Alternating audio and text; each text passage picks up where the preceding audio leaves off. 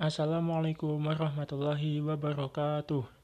Perkenalkan, aku Niki Agni dan selamat mendengarkan podcast Bukan Tugas Kuliah. Yang pertama, aku pengen ngucapin selamat beribadah puasa di bulan Ramadan 1441 Hijriah bagi seluruh umat muslim di seluruh dunia terutama di Indonesia kita bakal mengalami Ramadan yang tidak biasa daripada tahun-tahun sebelumnya di tengah wabah COVID-19 sehingga banyak ibadah-ibadah yang sebelumnya kita jalani mungkin di tahun-tahun sebelumnya tidak bisa kita laksanakan dengan maksimal. Seperti sholat taraweh semalam yang banyak di antara kita yang tidak bisa melaksanakannya secara berjamaah di masjid, ma, surau, langgar, atau apa pun kalian menyebut. Ya semoga kita tetap uh, kita tetap beribadah secara maksimal di bulan Ramadan ini, tetap uh, semangat dan percaya, insya Allah jika wabah ini bisa selesai sebelum atau saat Idul Fitri nanti. Allahumma amin. Jangan sampai lebih dari Idul Fitri. Karena ya akan banyak orang yang kesusahan dan terdampak dari virus COVID-19 ini. Oke, uh, ini direkam jam 3 pagi pas uh, dan masih bersyukur masih bisa dengar suara sahur-sahur dari speaker masjid menandakan Ramadan kali ini masih ada yang tersisa dari tahun-tahun sebelumnya. Tapi belum belum menemukan bocah-bocah yang keliling gang-gang rumah untuk membangunkan sahur. Biasanya kan ada jam segini udah pada keliling. Oke uh, untuk episode pertama ini aku ingin membacakan sebuah tulisan dari Yuval Noah Harari. Tentu kalian udah pada tahu siapa beliau yaitu penulis buku Sapiens dan Homo Deus. Nah, uh, Yuval Noah Harari ini di bulan Maret menulis sebuah uh, esai gitu di sebuah website websitenya hmm, nih. Websitenya namanya free to read. Atau domainnya apa alamatnya tuh ft.com gitu aja. Nah untuk tulisannya berbahasa Inggris jelas. Nggak mungkin dong Yuval Noah Harari menulisnya bahasa Indonesia. Nah bahasanya uh, apa namanya tulisannya ini berjudul The World After Coronavirus. Nah Mungkin banyak dari kalian yang sudah pernah membacanya, tapi di sini aku ingin mengangkatnya sebagai episode pertama untuk pengingat bagi kita semuanya. Barangkali kita lupa, barangkali kita sudah termakan kepanikan dan segala segala apa namanya ke keriuhan yang mengacaukan kehidupan kita sehari-hari. Dan tulisan ini bagus untuk uh, bahan evaluasi kita semuanya bahan untuk renungan dan perencanaan apa yang bisa kita lakukan uh, beberapa waktu ke depan saat atau setelah virus ini uh, ada.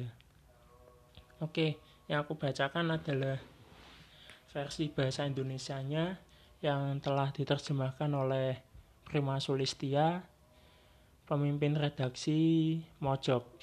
Nah, ini dia tulis di apa namanya status Facebooknya pada tanggal 29 Maret. Oke, langsung saja aku bacakan. Judulnya Dunia Selepas Virus Corona oleh Yuval Noah Harari.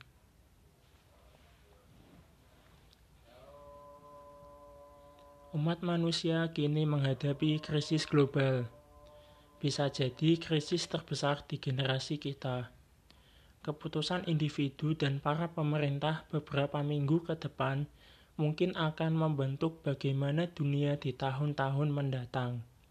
Mereka akan membentuk bukan hanya sistem kesehatan kita, melainkan juga ekonomi, politik, dan budaya kita. Kita harus bertindak cepat dan yakin. Kita juga harus menimbang akibat jangka panjang dari tindakan saat ini. Ketika memilih jalan keluar yang mana, kita harus bertanya ke diri sendiri, bukan hanya bagaimana ancaman saat ini, melainkan juga dunia macam apa yang ingin kita huni selepas badai ini berlalu. Ya, badai pasti berlalu umat manusia akan bertahan. Sebagian besar dari kita akan tetap hidup, tapi kita akan tinggal di dunia yang telah berbeda. Akan ada langkah mengatasi kedaruratan yang menjadi bekal hidup selanjutnya. Itulah watak ketika mempercepat proses sejarah. Keputusan-keputusan yang di masa normal butuh pertimbangan bertahun-tahun, sekarang akan diputuskan dalam hitungan jam.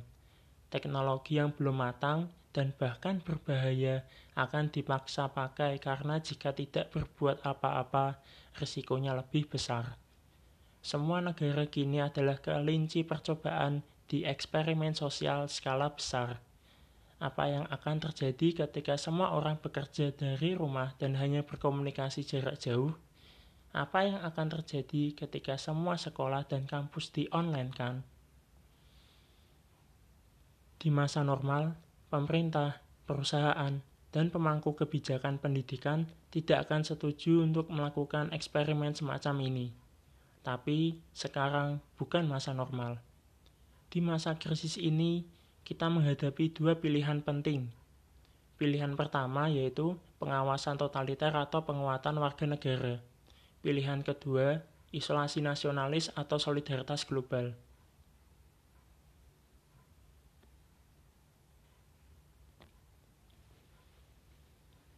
Diawasi di bawah kulit.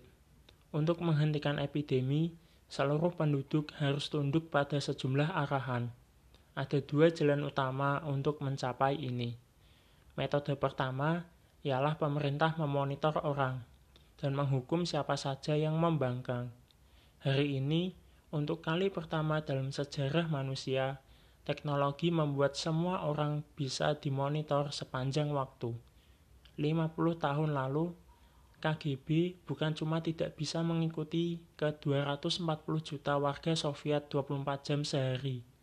Andai pun bisa, KGB tak mampu efektif mengolah semua informasi yang terkumpul. KGB mengandalkan manusia sebagai agen dan analis, dan mustahil menugaskan seorang agen manusia untuk mengikuti setiap warga. E, informasi tambahan, KGB ini adalah Intel di masa Uni Soviet masih berdiri.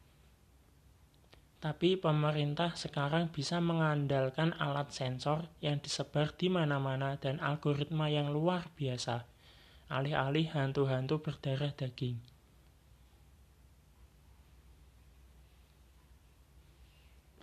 Sejumlah negara dalam pertarungan mereka melawan epidemi virus corona telah mengerahkan alat-alat pengawasan model baru.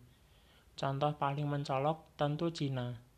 Pemerintah Cina memantau betul ponsel pintar orang-orang, menggunakan ratusan juta kamera pengenal wajah, dan mewajibkan orang untuk memeriksa serta melaporkan suhu tubuh dan kondisi kesehatan mereka Yang berkat itu, mereka tidak hanya cepat mengidentifikasi pembawa virus corona, melainkan juga bisa menelusuri pergerakan mereka dan mengidentifikasi dengan siapa saja mereka bersinggungan.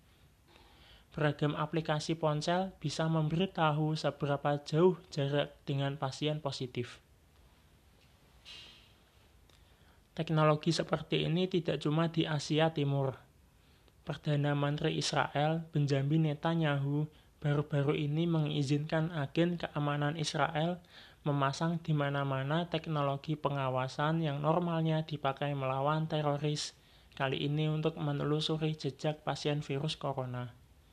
Ketika komisi berwenang di parlemen menolak kebijakan ini, Netanyahu menerabasnya dengan mengeluarkan dekret kedaruratan.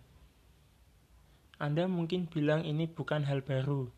Toh beberapa tahun belakangan, pemerintah dan perusahaan besar telah memakai teknologi yang lebih canggih untuk mengikuti, memonitor, dan memengaruhi orang. Tapi, ketika kita tak hati-hati, epidemi kali ini bisa jadi patok penting dalam sejarah pengawasan. Alat pengawasan besar-besaran yang dulu ditolak di sejumlah negara, kini bisa dimaklumi.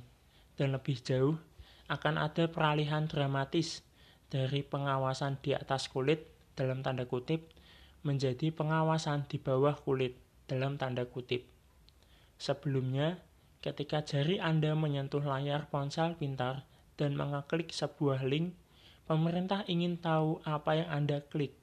Dengan adanya virus corona, fokus kepentingannya berubah. Sekarang, pemerintah ingin tahu suhu jari Anda dan tekanan darah di bawah kulit jari Anda. Puding masa darurat Salah satu masalah ketika kita berpihak pada kebijakan pengawasan adalah kita semua tidak tahu bagaimana kita diawasi dan apa yang akan diakibatkannya di tahun-tahun mendatang. Teknologi pengawasan sedang dikembangkan dalam laju yang membahayakan, dan apa yang 10 tahun lalu terlihat seperti fiksi sains, sekarang sudah berita basi. Bayangannya seperti ini Coba pikirkan, satu pemerintah yang mewajibkan semua warganya memakai gelang biometrik pemantau suhu tubuh dan detak jantung 24 jam sehari. Datanya akan ditumpuk dan dianalisis algoritma pemerintah. Algoritma itu akan tahu kapan Anda sakit, bahkan sebelum Anda sendiri tahu. Dan mereka juga akan tahu Anda ke mana dan bertemu siapa. Dengan cara ini, rantai infeksi akan diperpendek dengan drastis, bahkan bisa dihentikan seketika.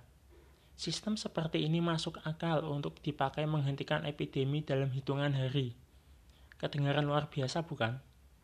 Tentu saja ada kelemahan, yakni akan ada legitimasi bahwa sebuah sistem pengawasan yang mereka memang perlu.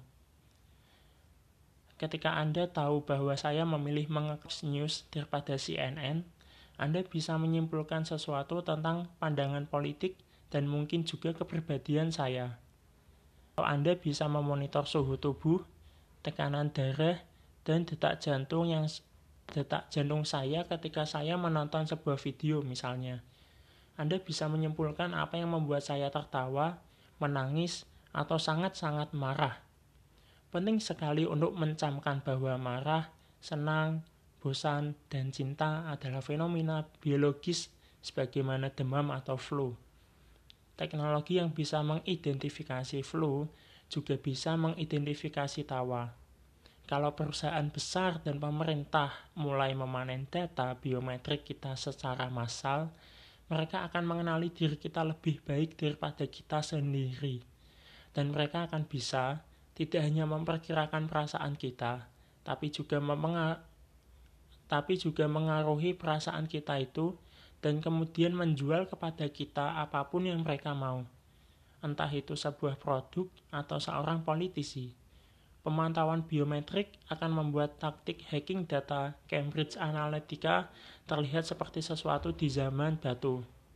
Bayangkan Korea Utara tahun 2030, ketika semua warga harus memakai gelang biometrik 24 jam sehari, anda sedang mendengarkan pidato pemimpin besar, dan gelang itu menangkap tanda-tanda kemarahan Anda.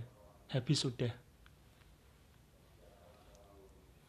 Anda tentu saja bisa memakai kasus pengawasan biometrik sebagai solusi sementara selama masa kedaruratan saja.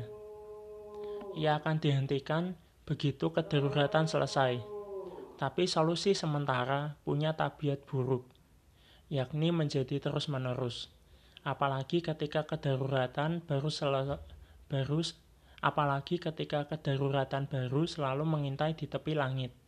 Negara asal saya Israel sebagai contoh, mengumumkan situasi darurat saat Perang Kemerdekaan 1948 terjadi. Dan hal itu membuat kebijakan sementara seperti sensor pers, perampasan wilayah, sampai aturan khusus memasak puding, saya tidak bercanda. Perang kemerdekaan itu telah lama dimenangkan, tetapi Israel tak pernah mengumumkan bahwa kedaruratan sudah selesai, sehingga akibatnya sejumlah kebijakan sementara 1948 tak lagi sementara.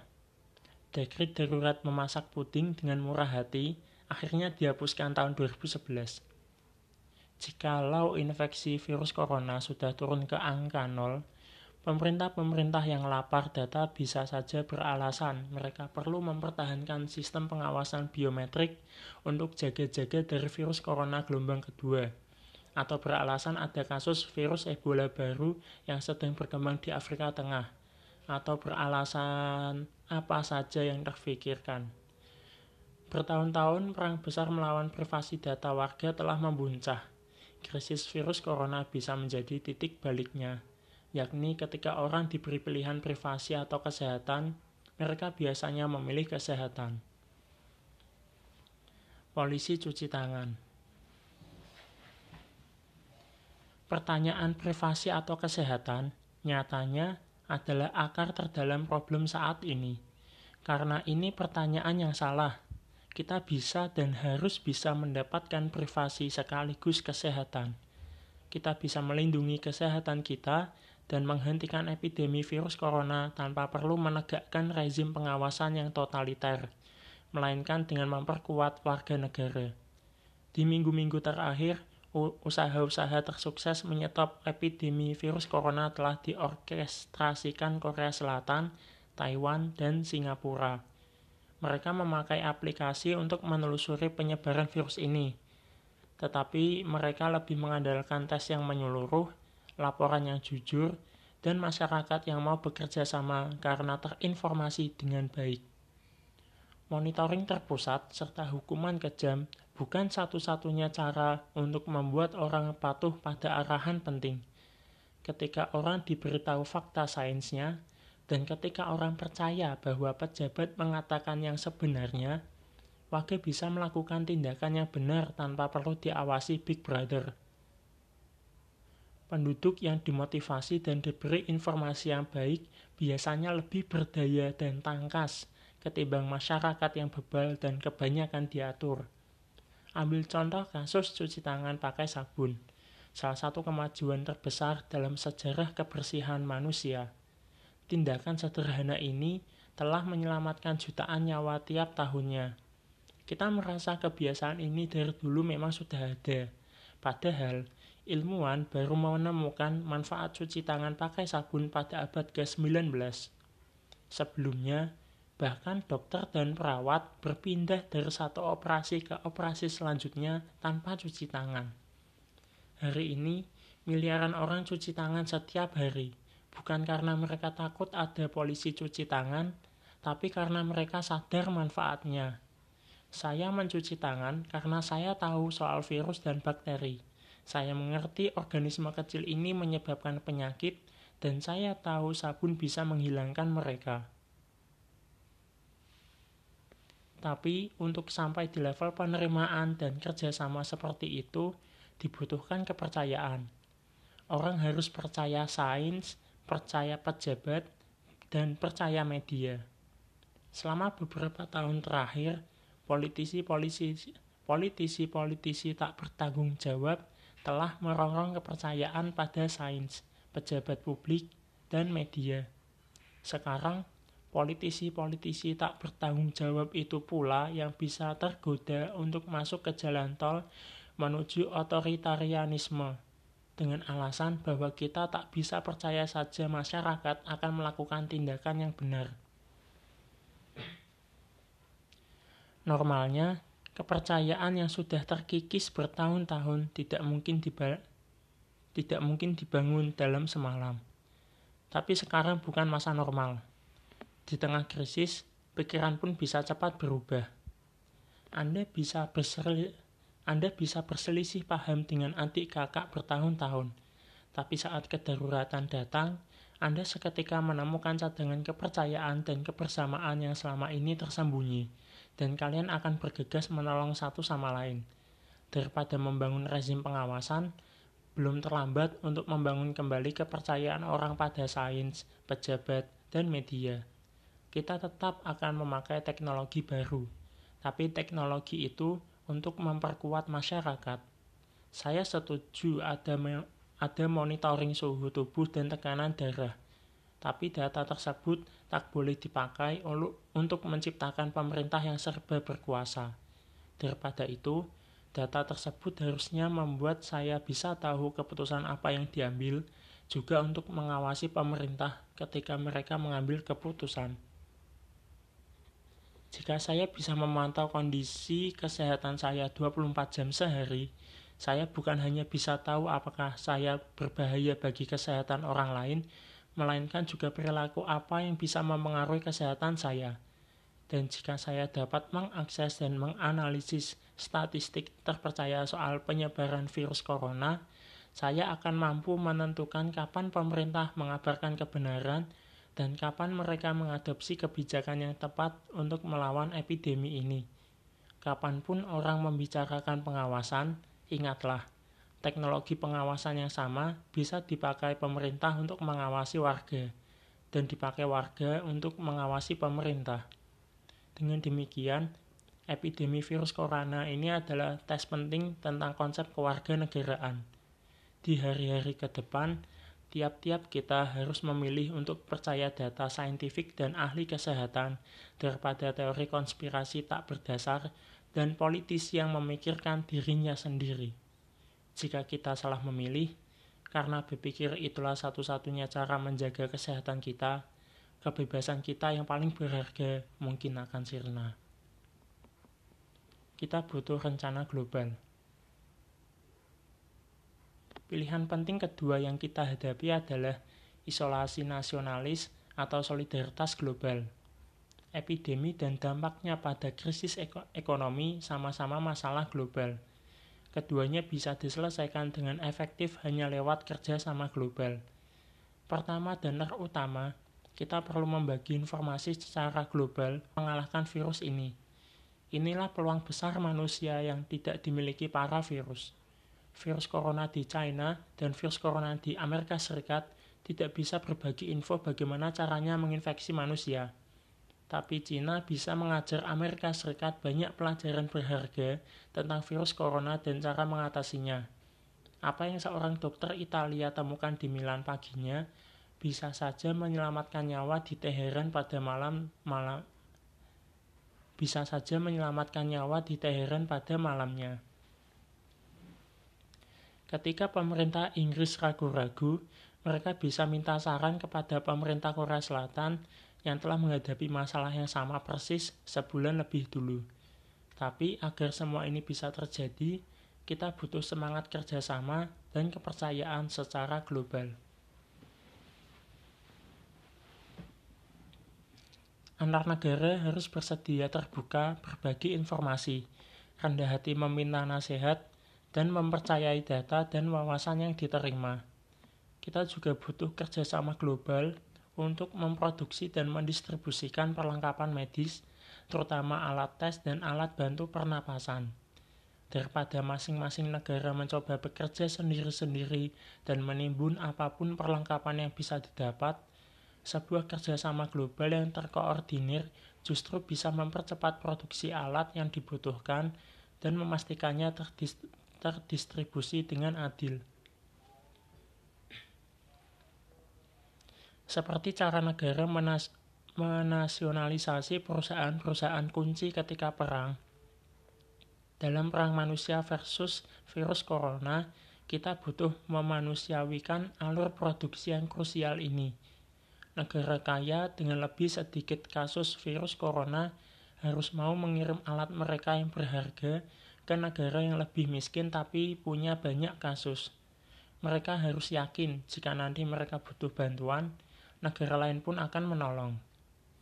Kita harus mempertimbangkan kerjasama global untuk mengumpulkan tenaga kesehatan Negara yang saat ini tak terlalu terdampak bisa mengirim tenaga kesehatannya ke belahan dunia yang paling terpukul dengan dua tujuan, yakni membantu di waktu paling mendesak serta mengumpulkan pengalaman berharga. Jika kemudian pusat epidemi bergeser, bantuan pun akan berubah sebaliknya. Kerjasama global juga vital dibutuhkan di bidang ekonomi berpegang pada sifat ekonomi global dan sifat rantai pasokan, ketika masing-masing pemerintah cuma mengerjakan kepentingannya sendiri tanpa memedulikan negara lain, hasilnya adalah kekacauan dan krisis yang makin parah. Kita butuh rencana aksi skala global, dan kita butuh secepatnya.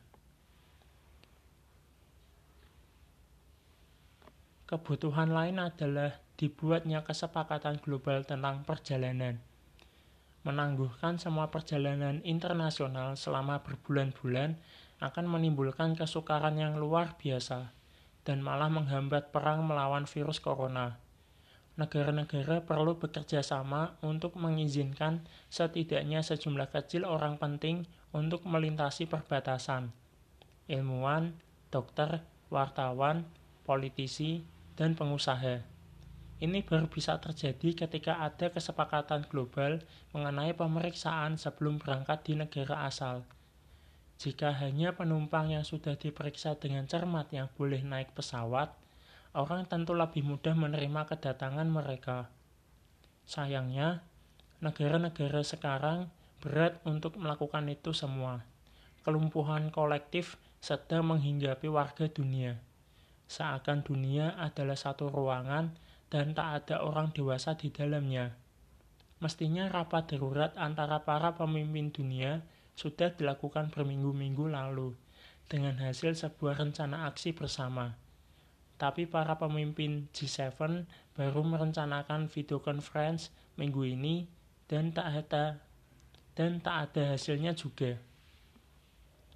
Di krisis global terdahulu, seperti krisis finansial 2008 dan epidemi Ebola 2014, Amerika Serikat menjalankan peran sebagai pemimpin dunia. Tapi pemerintah Amerika Serikat sekarang sudah meninggalkan peran itu. Jadi jelas, mereka memang lebih peduli kebesaran Amerika Serikat ketimbang masa depan kemanusiaan. Pemerintah Amerika telah meninggalkan sekutu-sekutu terdekatnya ketika mereka melarang semua kedatangan dari Uni Eropa mereka bahkan tak repot-repot memberitahu Uni Eropa dulu, apalagi mendiskusikan kebijakan drastis ini dengan Uni Eropa. Mereka bahkan membuat skandal dengan diduga membeli hak monopoli produksi vaksin COVID-19 seharga 1 miliar dolar Amerika Serikat ke sebuah perusahaan farmasi Jerman. Meskipun pemerintah Amerika Serikat sekarang sudah mengubah sikap dan mengajukan rencana aksi global hanya sedikit yang mau mengikuti pemimpin jenis tak bertanggung jawab, tak mau mengakui kesalahan, dan secara rutin mengklaim kesuksesan sebagai sumbangsihnya sementara kesalahan ditimpakan ke pihak lain. Jika kekosongan yang ditinggalkan diisi negara lain, bukan cuma makin sulit menghentikan epidemi ini, hubungan internasional juga akan rusak di tahun-tahun mendatang.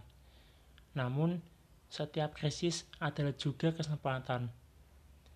Kita mesti berharap epidemi ini akan menolong umat manusia menyadari bahayanya perpecahan global. Kemanusiaan kita butuh membuat pilihan. Akankah kita terus di jalan perpecahan ini, atau kita akan mengambil jalan solidaritas global? Jika memilih perpecahan, krisis ini akan semakin panjang dan mungkin akan berlanjut dengan bencana lebih parah di masa depan. Jika kita memilih solidaritas global, kemenangan tak hanya atas virus corona, tapi juga atas semua epidemi global yang akan datang beserta krisis-krisis yang bakalan menghantam umat manusia di abad ke-21. Selesai. Jadi itulah tulisan dari Yuval Noah Harari yang telah dialih bahasakan oleh Prima Sulistia, pemimpin redaksi Mojok. Inti dari tulisan ini ada di bagian awal, yaitu Yuval Noah Harari telah menginformasikan bahwa kita menghadapi dua pilihan atau dua skenario yang itu akan dipilih baik kita secara individu maupun secara lingkup negara. Bentar. Dua pilihan itu yang pertama pengawasan totaliter atau penguatan warga negara sementara pilihan keduanya yaitu isolasi nasionalis atau solidaritas global. Mungkin memang nampak sebagai uh, pilihan yang hanya bisa diambil oleh tingkat negara, tapi sebenarnya bisa kita mulai dari eh, masing-masing uh, diri kita Contoh seperti pilihan di pilihan pertama, yaitu pengawasan totaliter atau penguatan warga negara. Kita bisa memilihnya, misal kita memilih penguatan warga negara, kita bisa menerapkannya pada diri kita sendiri terlebih dahulu, atau bahkan hingga tingkat keluarga kita atau tempat kita tinggal. Bahwa kita memperkuat diri kita dengan contohnya tidak berpergian uh, keluar daerah tempat kita tinggal lalu melakukan cuci tangan dengan sabun yang rutin. Lalu apabila bersin dan batuk melakukan apa namanya etika bersin dan batuk dan lain sebagainya. Itu adalah di pilihan pertama. Di pilihan kedua, isolasi nasionalis atau solidaritas global. Kita bisa melakukan uh, dua pilihan ini di apa namanya di level diri kita sendiri juga. Apakah kita akan lebih mementingkan diri kita sendiri atau kita juga turut dalam solidaritas sosial yang sudah mulai terbangun sejak awal virus ini menyebar di Indonesia. Begitu banyak eh, peluang-peluang uh, kebaikan, entah itu dengan berdonasi uang, materi, ataupun tenaga sebagai relawan, dan banyak sebagainya. Kita bisa mengkoordinasi uh, tetangga-tetangga kita, teman-teman kita untuk melakukan sebuah gerakan agar uh, lingkungan kita itu aman, tidak terkena efek dari wabah virus corona ini. Jadi mungkin akan sulit bagi kita untuk selalu mengandalkan pemerintah. Oke, mungkin itu dulu aja di episode pertama ini